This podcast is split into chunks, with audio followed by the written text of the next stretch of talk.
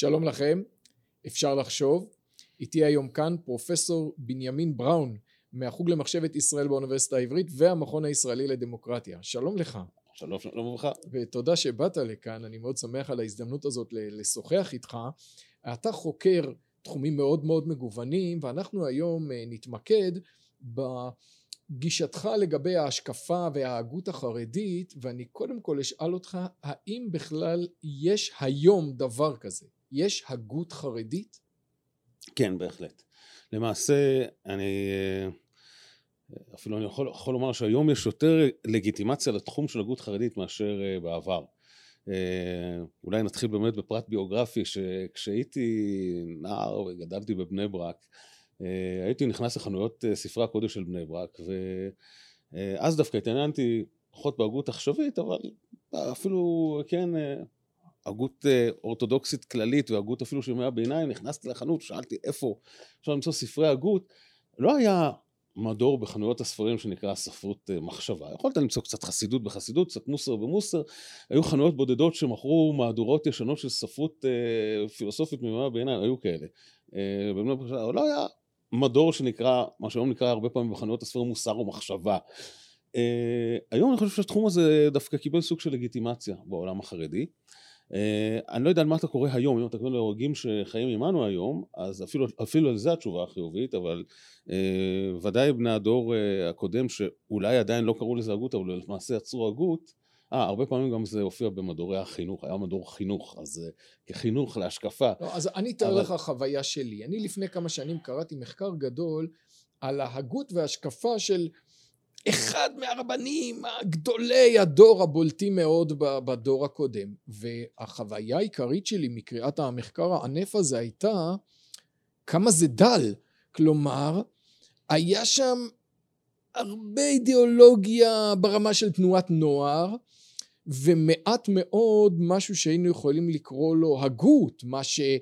החזון איש ודאי כתב דברי הגות, כן, כתב דברים עמוקים מאוד, מעט, אבל, אבל מה שהוא כתב זה קו ונקי. אבל בעשורים האחרונים אתה באמת רואה יצירה שיש מה להתמודד איתה, לחשוב עליה. בהחלט. Uh, טוב, קודם כל אם אנחנו מדברים על uh, הוגים בני זמננו, אני לא רוצה לייזל כרוכלה ולמנות שמות. תמנה, תמנה. לא, אני מעדיף שלא. אוקיי. Okay. uh, בעיקר לא, לא בגלל אלה שאני כן אמנה, בגלל אלה שאני לא אמנה וחבל, אבל אה, היו וישנם לא מעט אה, אנשים שמתמודדים עם אתגרי השעה, גם מהאגף, אה, אם אנחנו במשרדי קרן תקווה, אז באמת צריך עיון שיש כמה מה, מהכותבים בכתב העת החרדי מודרני הזה, החרדים מאוד מרשימים באיכות הכתיבה שלהם, אמנם שוב לא ספרות הגותית אלא יותר מאמרים, אבל בהחלט דברים מעניינים, אבל גם האגפים, האגפים השומרניים יותר של היהדות החרדית, יש בהחלט כתיבה אידיאולוגית ורעיונית מעניינת, אה, שיש בהחלט מה לקרוא שם. העמדות אה, שאתה מתאר שהן עמדות באמת הרבה פעמים פשטניות, זה שאלה איך קוראים את הדברים האלה. כלומר, אם אתה מחפש רמת טיעון גבוהה, אה, כמו שיש לספרות פילוסופית בעולם הגדול, לא נכון, אני מסכים איתך, זה מראש מי שמחפש את זה שם לא ימצא את זה בהגות החרדית. אבל מצד שני, אם תיגש היום להגות חסידית, אפילו של מי שנחשבים לגדולי החסידות, כן, אני לא מדבר על חב"ד, אפילו לא הברסה, אבל שאר גדולי החסידות. הנועם אלימלך למשל, או לוי יצחק ברדיצ'ה ואחרים. כשאתה רואה את זה כאוסף שם, אתה אומר, מה יש כאן? וורטים. זאת אומרת, אוסף וורטים קטנים, פרשת שבוע, אמירה כזאת, אמירה כזאת, אפילו השפת אמת במידה מסוימת, אתה, אתה יכול להתייחס אליו כך. למעשה מה שהופך את זה להגות, זה היכולת שלנו כמי שבאים כן עם העיניים המחקריות, אני לא דווקא לא מדבר על חוקרים, אלא גם על קוראים מן השורה, שבאים בעיניים מחקריות ואומרים, מצליחים למצוא את הנחות העומק של המחבר, או ללכד טקסטים שונים למערך שיטתי כולל יותר. ההוגה עצמו לא עושה את זה כי אין לו את הכלים המתודולוגיים לעשות את זה, אבל אנחנו כמי שמעיינים בזה הרבה פעמים עושים את זה וזה טוב, ואז אנחנו באמת מוצאים שיש שם מערך מחשבה אי אפשר לקרוא לו שיטתי כי הוא לא בנוי בצורה שיטתית, אבל מערך מחשבה מקיף, גדול, מסתכל בפרספקטיבה רחבה, מסתכל גם על ענייני השעה, גם על העולם שמחוץ, שמאתגר אותו ומתמודד איתו ומעלה טענות שכנגד, וזה בעצם אני חושב הערך הגדול של ההגות החרדית. אז אתה לא רוצה להצביע על אנשים ספציפיים, בוא נעשה משהו אחר. מה ההגות הזאת אומרת? אוקיי, אז אה, אה, אנחנו, העולם החרדי למעשה מחולק לשלושה אה, זרמים עיקריים, שזה חסידים, ליטאים וספרדים. כל אחד יוצר את ההגות שלו באופן אחר. אה, העולם החסידי, אני חייב להודות באמת, אדמו"רים היום לא עוצרים הגות מעניינת. אני, האדמו"ר מבלז יש לו כמה דברים מעניינים, אבל אנשים מתלהבים, הרבי מסלונים הקודם, הנתיבות שלום, אני לא שותף להתלהבות הזאת, אני חייב לציין.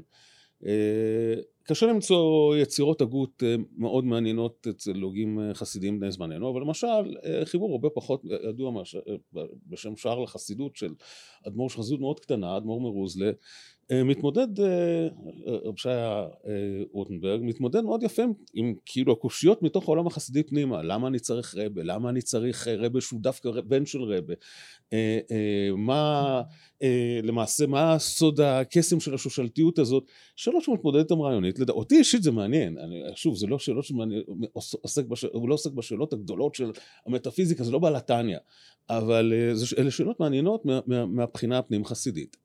אה, מוסר, אם אנחנו עוברים לליטאים, הוגי המוסר הם הרבה פעמים יותר מעניינים. דרך אגב, אם אנחנו מדברים על ליטאים, אה, לא מזמן נפטר אה, מוישה שפירא, שהוא באמת כן נחשב כאחד שעוסק בשאלות הגדולות, ולא ברמה של פעולה בתנועת נוער, ועם הרב לייב מינצברג, שבאמת התמודד עם גם הוגה לא פחות פורה ויוצא, לא מוכר בציבור. אבל מה הם אומרים? אם יש אסכולה כזאת, הגות חרדית, אם אנחנו מדברים על הגות חסידית, הגות חרדית בכלל. הטענה בעצם מהבחינה הזאת, מה היא אומרת, אה, מגלמת בתוכה את ההנחה שהיא צריכה להגיד משהו חדש. הגות חסידית, סליחה, הגות חרדית לא אומרת משהו חדש, כי כל כולה היא הגנת הישן.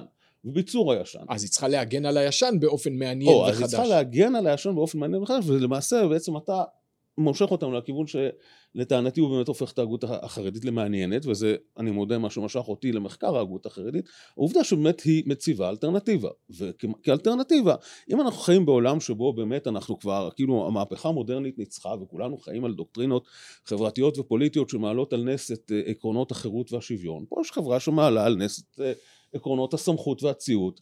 אה, חברה שלא מאמינה בשוויון כי היא לא מאמינה בשוויון בין יהודי לגוי, הרבה מאוד פעמים גם לא מאמינה בשוויון בין גבר לאישה אלא אולי כמס שפתיים אפולוגטי לפעמים. אה, לא מאמינה, ב, אה, בהחלט מאמינה בהיררכיות מהסוג הישן. אפילו למעשה בוא נאמר, אל הציבור הרחב המון פעמים הדוקטרינת דעת תורה שמסמיכה את גדולי התורה להיות בעצם המנהיגים הפוליטיים למעשה של החברה אנחנו הרבה פעמים דנים בזה בעיניים אה, באמת אה, פוליטיות וחברתיות כי הנה החרדים העסקנים שלהם הולכים לגדולים וטה טה טה ורב חיים קניאבסקי אמר אה, לפתוח את תלמודי התורה ולא היה אכפת לו לסכן את, את צעירי הצאן בתחלואת קורונה וכל הדברים האלה מתעסקים בזה באקטואליה. אבל אם אתה ממריא קצת אל מעבר לאקטואליה ושואל דוקטרינת דעת תורה קודם כל מה השורשים האינטלקטואליים שלה? אבל שנית מה היא בעצם מייצגת בעולם הרוח? אז התשובות הן מעניינות למעשה העולם החרדי מציב פה כמעט לראשונה מודל אלטרנטיבי לחלוטין לא רק לדמוקרטיה אלא לכל צורות המשטר המוכרות לנו והכי קרובה באופן מוזר לפוליטאה האפלטונית זה סוג של מלך פילוסוף זאת אומרת. אנשי הרוח הם השליטים הפוליטיים של החברה. אני מוצא את זה מעניין מאוד. זו אלטרנטיבה עצומה לכל חשיבה מודרנית פוליטית. מה שאתה אומר הוא קצת מזכיר שורה של הוגים ריאקציונים שמצאנו באירופה סביב המהפכה הצרפתית. אנשים שאני יודע שאתה גם עוסק בהם, כמו בוסואה וכמו אה, דמסטרה, זה באמת מזכיר? אתה מוצא... לא, אה, בוסואה, בוסואה אה, הוא באמת תיאולוג פוליטי, וכן, אפשר להגיד מהבחינה הזאת הוא, הוא כתיאולוג פוליטי הוא מתכתב, אפשר לומר במקורות מסוימים, יש אפילו נגיעות מסוימות בהגות שלו שאפשר לומר כנראה היה לו איזה דיאלוג עם, עם פרשנים יהודים, אבל כל כולו הוא להגן על השלטון של המלך החילוני. אה, אה, הבחירה האלוקית היא במלך החילוני, המלכים של בית בורבון נהנים מחסד אלוקי וכל השלטון שלהם הוא מכוח אה, בחירה אלוקית. דה מסטר עשה אותו דבר, דה מסטר גם הוא, יש דיונים שלמים איך לפרש אותו, אבל הוא גם כן הוגה דתי מצד אחד, אבל מגן על השושלות החילוניות בסופו של דבר. ו... לא בנקודה הספציפית הזאת, באופי הריאקציוני שאומר בניגוד להגות שמרנית שהגות שמרנית שאני עוסק בה הרבה היא במהותה חלק מהמודרנה. נכון. ההגות הזאת היא לא שמרנית היא ריאקציונית והיא אומרת אנחנו דוחים את הנחת היסוד של, ה, של המודרנה. אז, אז דה מסטר כשאנחנו מגיעים לדה מסטר אז יש את החלק הפחות מוכר של הגותו שבה הוא מבסס באמת את סמכות האפיפיור אה, הוא לא רק מבסס את סמכות בית המלוכה החילוני, אלא גם את סמכות האפיפיור, היו שלגלגו עליו שהוא אומר שהוא הציב שילוש קדוש חדש של המלך, האפיפיור והתליין. אבל, אבל זה, זה רק באירוניה. אבל באמת דה מסטר מהבחינה הזאת כמבין שמבסס את סמכות האפיפיור כסמכות שיש לה גם משקל פוליטי, אה, הוא באמת לכאורה אקוויוולנטי לסיפור אה, החרדי, כן, של דעת תורה, אה, סוג של מקבילה נוצרית, אבל ביחד עם ולא רק, ולא במקום המלך. כאן באמת, לא רק זה, במיוחד שאתה מביא לחשבון את העובדה שהחברה החרדית מתנהלת כאוטונומיה תרבותית, אוטונומיה תרבותית שיש לשלטון של גדולי תורה, אני חושב שזה דבר מרתק, כלומר אה, אה, שלטון פוליטי, אמנם כולנו יודעים שזה לא באמת שלטון, שזה עובר דרך עסקנים ואנשי ביצוע וטכנוקרטים וכל הדברים האלה, אבל כתפיסה, זו תפיסה מאתגרת לדעתי. אז אנחנו חוזרים. אוקיי. לטענה של, שלך לגבי אה, שמרנות, ודאי ש... ש, ש כן, אני מסכים, כן, אפשר להגדיר את ההגות החרדית כהגות רק ציונית, ואני בעניין הזה אני גם חושב שבאמת ההגות השמרנית היא באמת חלק מהמודרנה ולכן היא לא מהווה אלטרנטיבה ולכן לא מעניינת כל כך, אומרת מבחינתי אה, ההוגים השומרנים שאתה כל כך אוהב, אה, יצא לנו אה, לשמוע אחד את השני אני חושב בנושאים האלה, ההוגים השומרנים שאתה כל כך אוהב הם הוגים שבאמת מהבחינה הזאת חושבים בתוך אותה קופסה של העולם המודרני חושב בתוכה, אבל בתוך הקופסה הזאת יש ויכוחים, יש כאלה שחושבים שהם ויכוחים מעניינים, אני חושב שחלקם כן, רובם רובם מבחינתי הם ויכוחים באמת על אה, אה, מנעד מאוד קטן על, על פני הסקאלה, כן? גם בעולם החרדי יש ויכוחים פנימיים שכשאתה מסתכל על זה מבחוץ אני נראה לך שזה ויכוחים על שטויות, כן? ויכוחים בין חסידויות שונות על אידיאולוגיות חרדיות, גוונים כאלה של, של השקפה חרדית או ויכוחים בתוך המגזר הליטאי בין הפלג הירושלמי לזרם המרכזי וכל הדברים האלה, כולם אותו דבר מבחינת אה, נקודת מבט חיצונית על הוויכוחים בין ליברלים לשמרנים של היום כולם חירות, כולם שוויון, חירות כזאת, חירות אחרת, יותר חירות, פחות שוויון, יותר שוויון, פחות חירות זה הכל משחק עם אותם אה, כדורים כל הזמן, כן? אה, ולכן להיות הגות רק ציונית תהיה הגות הרבה יותר מאתגרת. השאלה השאלה אם היא רלוונטית, כי בעצם מה שאתה מתאר הוא תמונה שונה מאוד של מה שקורה בעולם החרדי, תיארת את הממד האינטלקטואלי, יש לו נגיעה גם לממד הסוציולוגי, כי התמונה שהרבה פעמים משקפים לנו בעולם התקשורת, שהעולם החרדי הוא מין שריד מקרטע שנע על אדי דלק מן העבר, כשכל מי שחי ומעניין שם זה מה שמכונה החרדים החדשים שהם כבר עם חצי רגל או יותר מזה בעולם הפוסט מודרני, ולפעמים הפרוגרסיבי, לפעמים להבדיל השמרני, בעיניך ההבדל לא גדול כמו בעיניי, ואתה מתאר תמונה אחרת לגמרי, אתה אומר תקשיבו, יש משהו חי, פועם, תוסס בעולם החרדי, שהוא לא מודרני ובטח לא פוסט מודרני ולא עכשווי והוא לא נע על אדי הדלק מהעבר החברה החרדית היא בעיניך יש בה אנרגיה פנימית שמציבה אלטרנטיבה לעולם המודרני ואתה אומר וזה חי וזה עובד וזה כוח מניע בעולם החרדי ואולי גם אתה מסיק מזה אל תבנו על זה שהם ישתנו כל כך מהר. אה, חלק אני חושב מההתעניינות הגוברת בעולם החרדי אה, זה הפתעה לזה שהכוח הזה הוא בסופו של דבר כשכולם ניבאו לו כיליון מאוד מהיר ומאוד חרוץ אחרי, אה, אחרי השואה והקמת המדינה שלכאורה שתיהן להבדיל, אבל אירועים שנתנו מהלומת מוות כביכול להשקפה החרדית, לאתוס החרדי, העולם הזה לא, לא רק גדל, צומח ופורח, אלא גם במידה מסוימת נתפס על ידי רבים כאיום. מה זה איום? איום אתה מרגיש מאוים ממשהו חזק. אז אומרים, כן, איום דמוגרפי, ואיום כלכלי, ואיום פה, ואיום שם.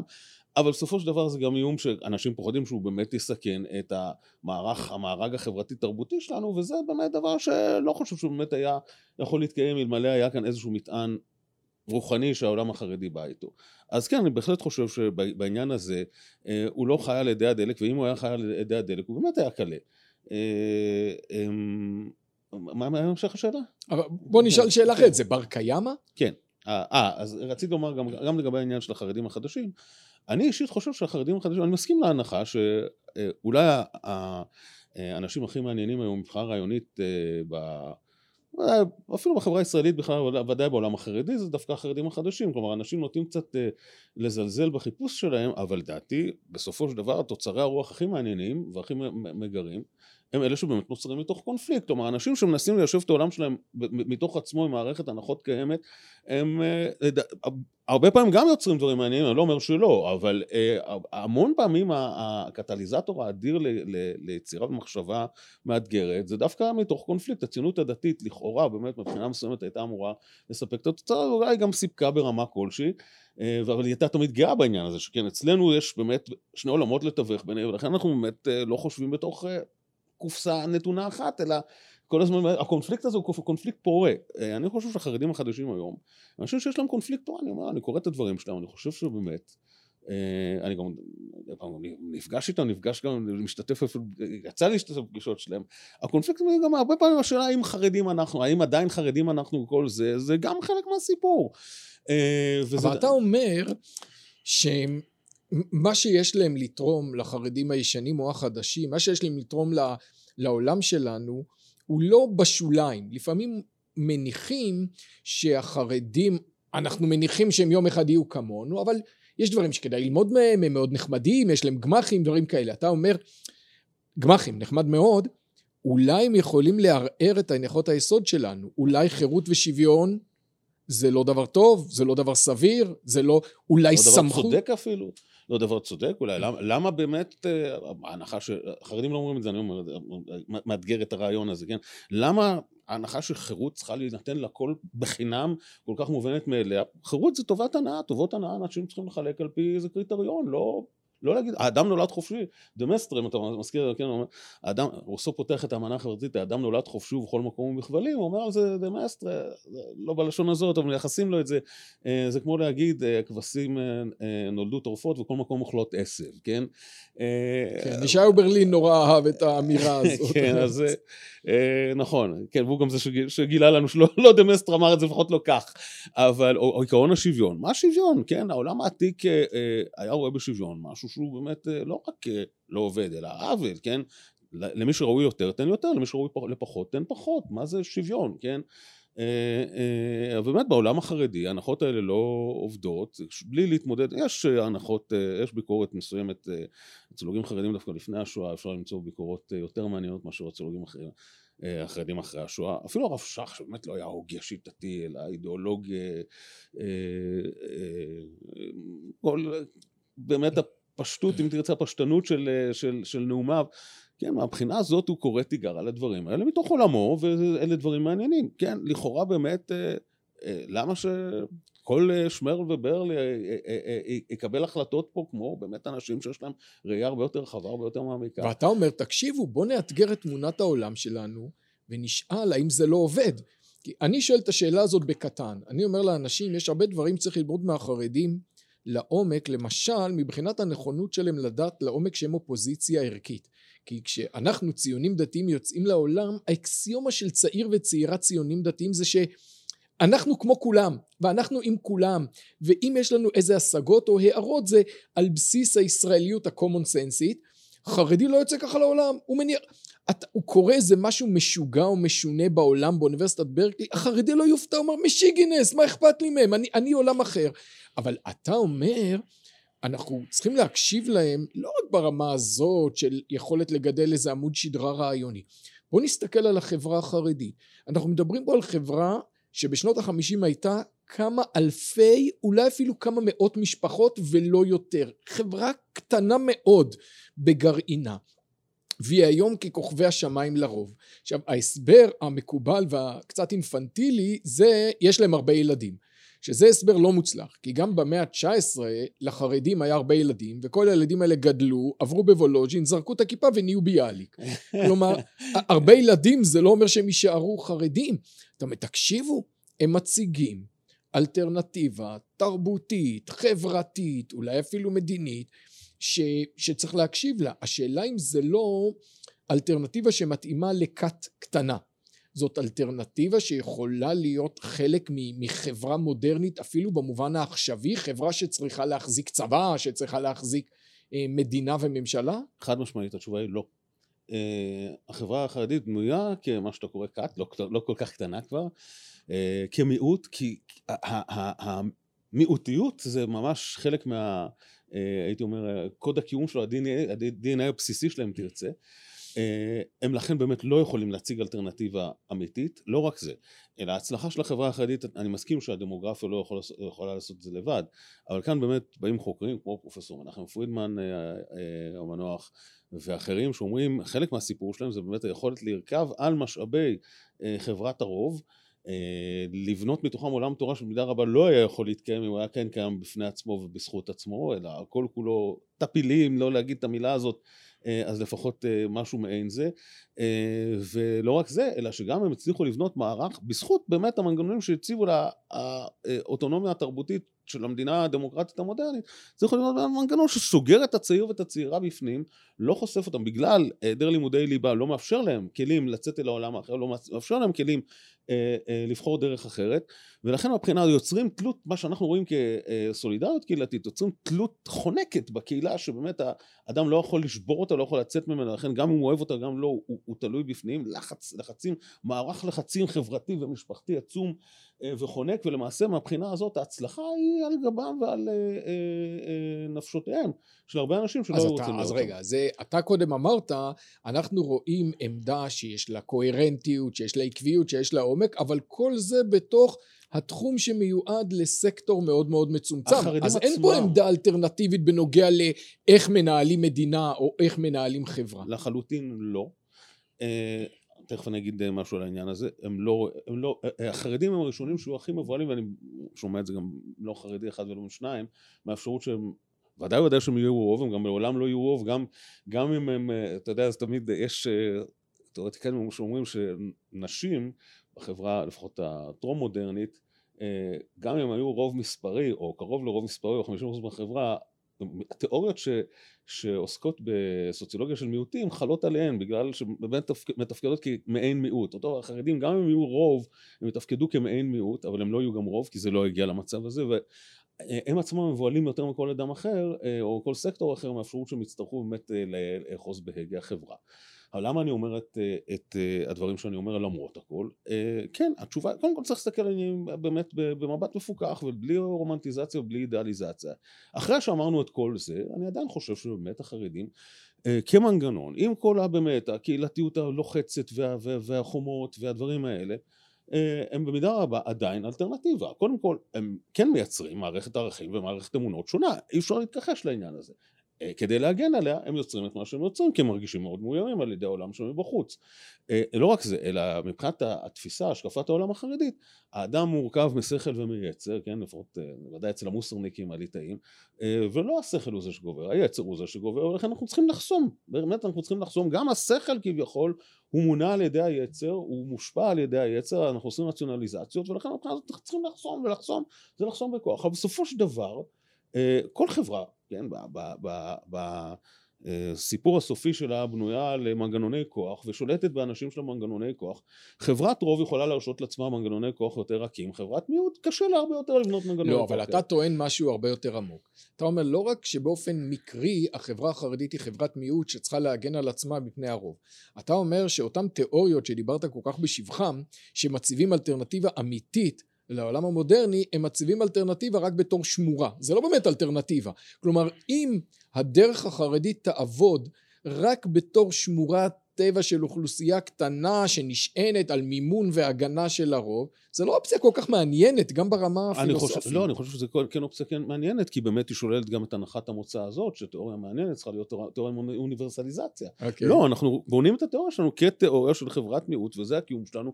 אנחנו שוללים את עיקרון הריבונות, כן, לא במובן ששוללים את עיקרון הריבונות, אלא לנו עצמנו אין עיקרון ריבונות כמו שיש מדינה מודרנית, יש כאן דרך אגב תפיסה מרובדת מאוד של ריבונות או לא נקרא לזה ריבונות, של שלטון לא ריכוזי, אה, מערכת מאוד מסועפת של מוקדי שליטה, שאם היינו מנתחים את זה בכלים של תיאוריה פוליטית, זה משהו נורא מוזר. זה הגוף החלק מה, מהאלטרנטיבה, כלומר שהיא לא מתיימרת להיות תיאוריה של חברה, ודאי לא של מדינה מודרנית, מה מדינה מודרנית? מה, מה לנו מדינה מודרנית? בתנ"ך היו מדינות מודרניות, בעיירה בשטטל היו מדינות מודרניות? לא, לא זה המבנה שלנו, לא זה המבנה הפוליטי שלנו. אבל אתה חושב שהחרדי הממוצע יקבל את ההשלכות של התיאוריה הזאת? כלומר החרדי הממוצע יגיד מדינת ישראל לא מדינת ישראל לא מעניין אותי כלומר יכול להיות שהוא יגיד את זה בשיעור אינדוקטרינציה בכולל אבל הוא היה מקבל בשוויון נפש אם העות'מאנים היו, אה, היו חוזרים? היום כבר לא כי אני חושב שכל אה, יהודי חרדי אגב אה, אנחנו מנהלים את השיחה הזאת כשבוע אחרי הסערה הגדולה הקצת מגוחכת אולי על Ben & Jerry's שהפסיקו את, את הודיעו שמפסיקים את השיווק שלהם בשטחי יהודה ושומרון אז אה, חברים שלי מארצות הברית שלחו לי שני סופרמרקטים גדולים באזור ניו יורק חרדים לחלוטין בשכונות החרדיות שמחרימים את Ben & Jerry's בתגובה לעניין הזה. כלומר, היום אני חושב שגם חרדים שרטורית ימשיכו לגדף את הציונים ואת מדינת, אפילו את מדינת ישראל, דרך אגב גם אף פעם לא את מדינת ישראל, או הקסטמר והחוגים הקיצוניים באופן גורף. את השלטון של מדינת ישראל, את החילונים, אבל, אה, אה, ואת הציונים בוודאי, אבל אה, הם יגידו, כן, למרות הכל, בסופו של דבר, זה המקום שבו כן נמצאים כל כך הרבה יהודים, התורה פורחת, כל הדברים האלה. היום כבר אה, אני חושב שאף אחד לא היה רוצה להחזיר את הגלגל לאחור, גם רטורית אנשים ישתמשו בביטויים אחרים. ולאן זה הולך? איפה אתה רואה את החרדים אה, בעתיד? בעוד עשרים שנה? זה מסוג הדברים שכדאי להימנע מלענות עליהם, אבל אני אגיד לך בכל זאת, כן, לדעתי אה, אה, הכל לא כצעקתה, כלומר אה, מצד אחד, אה, אה, אני רק רוצה להגיד ביחס לנקודה הקודמת, העובדה שאני רואה את זה כאלטרנטיבה, זה לא אומר שאני חושב שהאלטרנטיבה הזאת אה, היא באמת המוצלחת ביותר. אני עצמי, כמו שאתה רואה, לא אימצתי אותה, למרות שאני מלא הערכה כלפיה.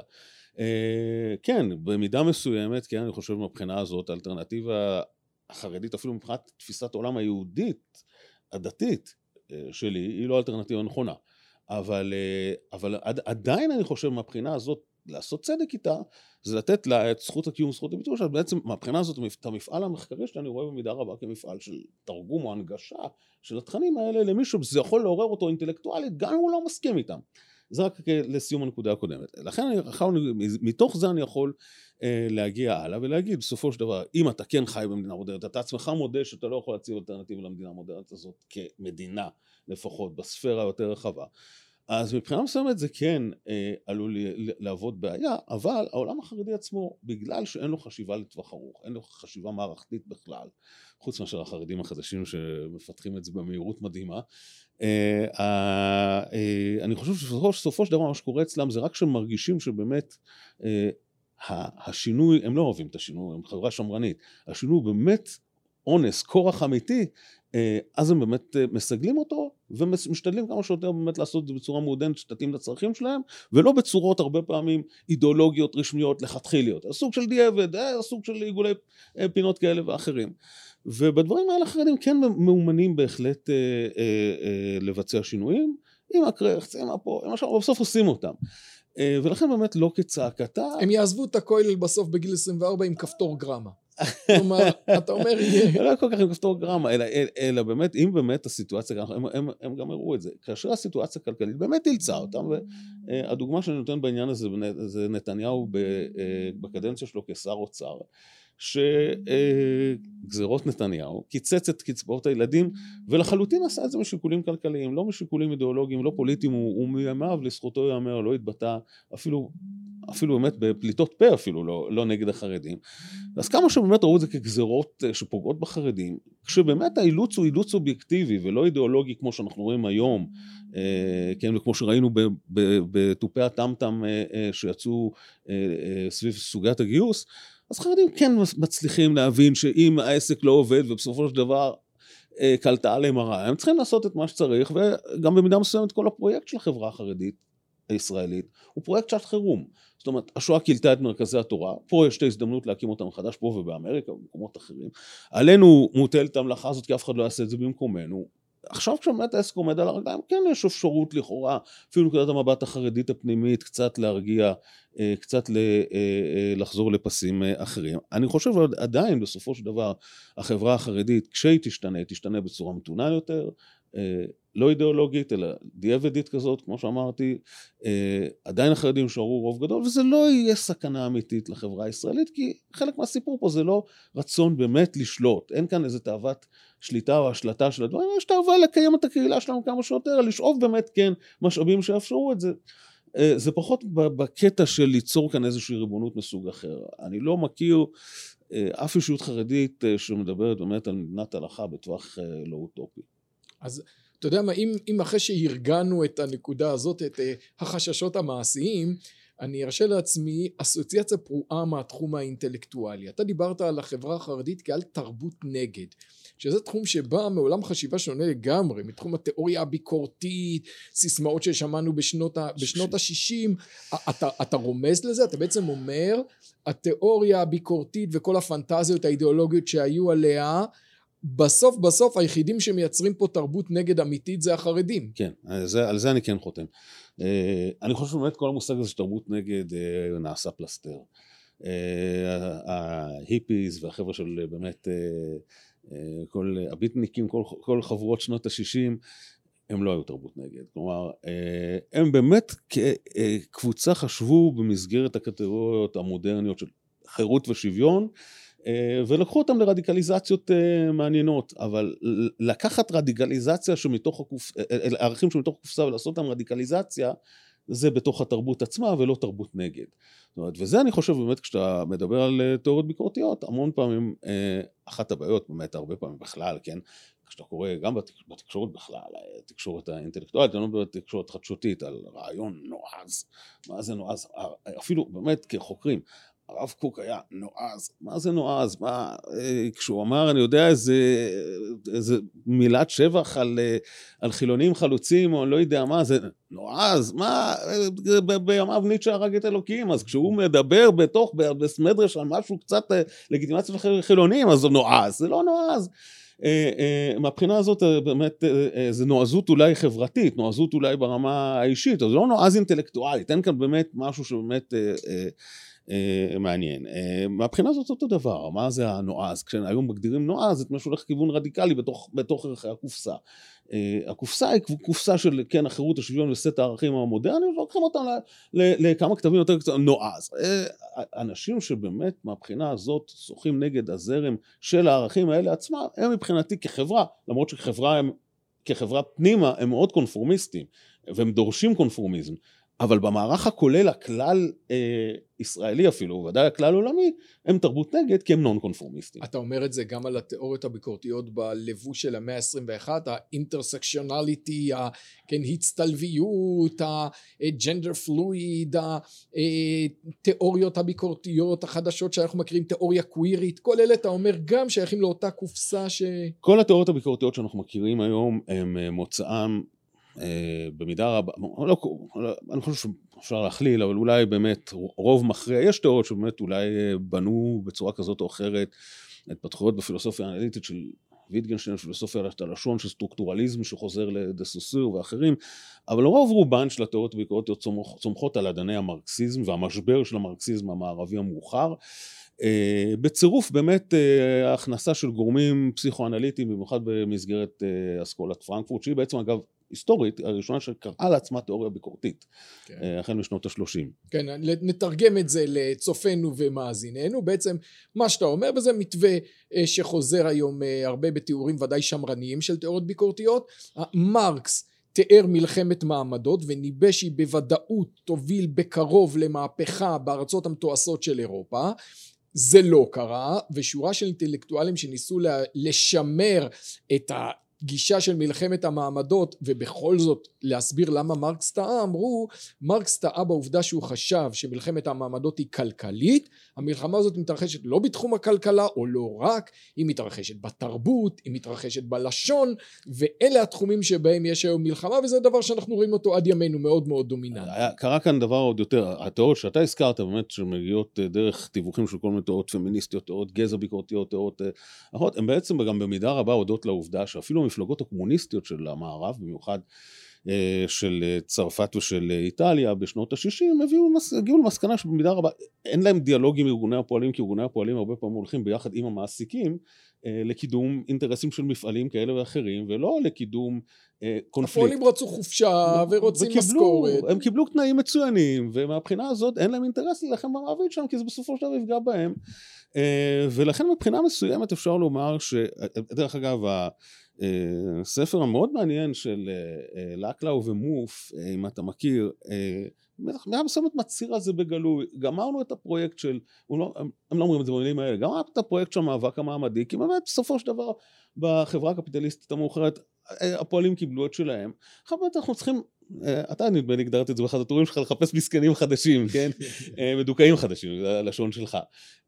לא, החברה כאילו עוד לא גמרה את פרויקט השחרור מהדיכוי, אבל אם זה, אם כאילו מבחינת שחרור מעמד הפועלים, נעשתה עבודה, צדיקים נעשתה, מלאכתם נעשתה בידי הקפיטליסטים ברמה כלשהי, הם לא מודים בזה. כן, ודאי, ודאי, הנציג אולי המשפיע ביותר של אסכולת פרנקפורט, שזה מרקוז, הרברט מרקוז, הוא טוען שלא, שעדיין בסופו של דבר אנחנו נשלטים על ידי מעסיקים ששולטים בנו בלי שאנחנו מודעים לזה.